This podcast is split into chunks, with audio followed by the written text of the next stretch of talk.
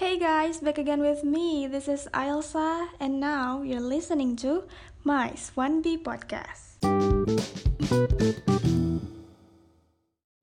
For today's episode, I would like to talk about the hidden place in Bogor, Indonesia that probably you've never been there before. So, let's check it out. If you're looking for a place to really fatigue from the hustle and bustle of the city, then this place is the answer.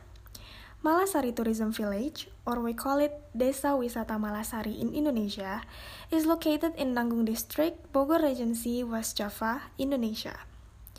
Approximately a distance of about 57 kilometers from the center of Bogor City. The travel time needed to reach this village is around 3 hours. Malasari Village, which has been converted into tourism village, is a part of the Mount Halimun Salak National Park. Being in the national park area makes this village live side by side with nature. Malasari Tourism Village offers natural scenery in the form of tea plantations, rice fields, rivers, and waterfalls. When we arrive at the entrance of the Malasari Tourism Village, we will be greeted with a white mist and feel the very cool air. We can see a path that can only be passed by one four wheel vehicle. As far as our eyes could see, there is a lush forest with green trees around. Because this village is surrounded by the mountain and hills. The vast green hills seems to be piled up, presenting a scenic view. Being in a national park area allows tourists who come to see a variety of flora and fauna. Where this forest provides a variety of endemic plants and also a variety of animals that are rarely found in another place. For example, include Japanese eagles, leopards, Javan gibbons, and slow lorises. Green rice fields spoil the eyes while we are in this village. Here, we will see the beauty of the rice fields that form a terrace system, which looks like a beautiful stretch of curves on the face of the earth.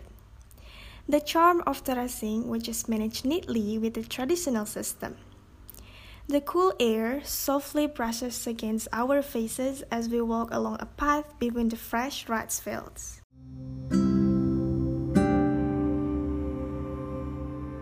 We can take a walk and enjoy the landscape of the white gardens near Mala Agung, while breathing the fresh air typical of the countryside. It will be better if we come in the morning when it is still dark, in order to enjoy the sunrise horizon that appears behind the row of Mount hills. We can feel the warmth of the morning sun while seeing the farmers started to hanging out with their bags, picking tea around the plantation.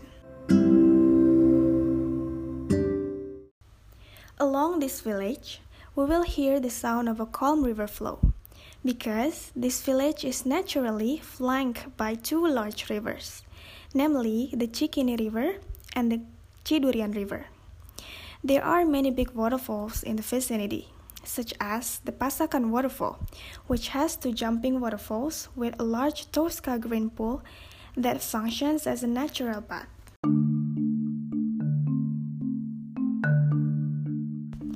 Besides nature tourism, in the Malasari Tourism Village, there is also historical tourism.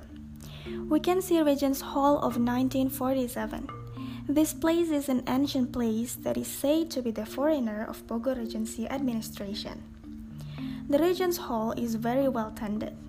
Inside this hall, there is a variety of furniture and documentation.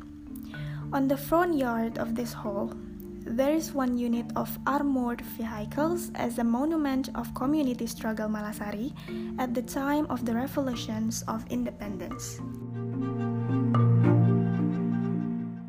We can do various activities in this village. We can participate and interact directly with local communities. For instance, in an event or activity of farming, crafts, and arts carried out in the traditional villages in the Halimun cluster.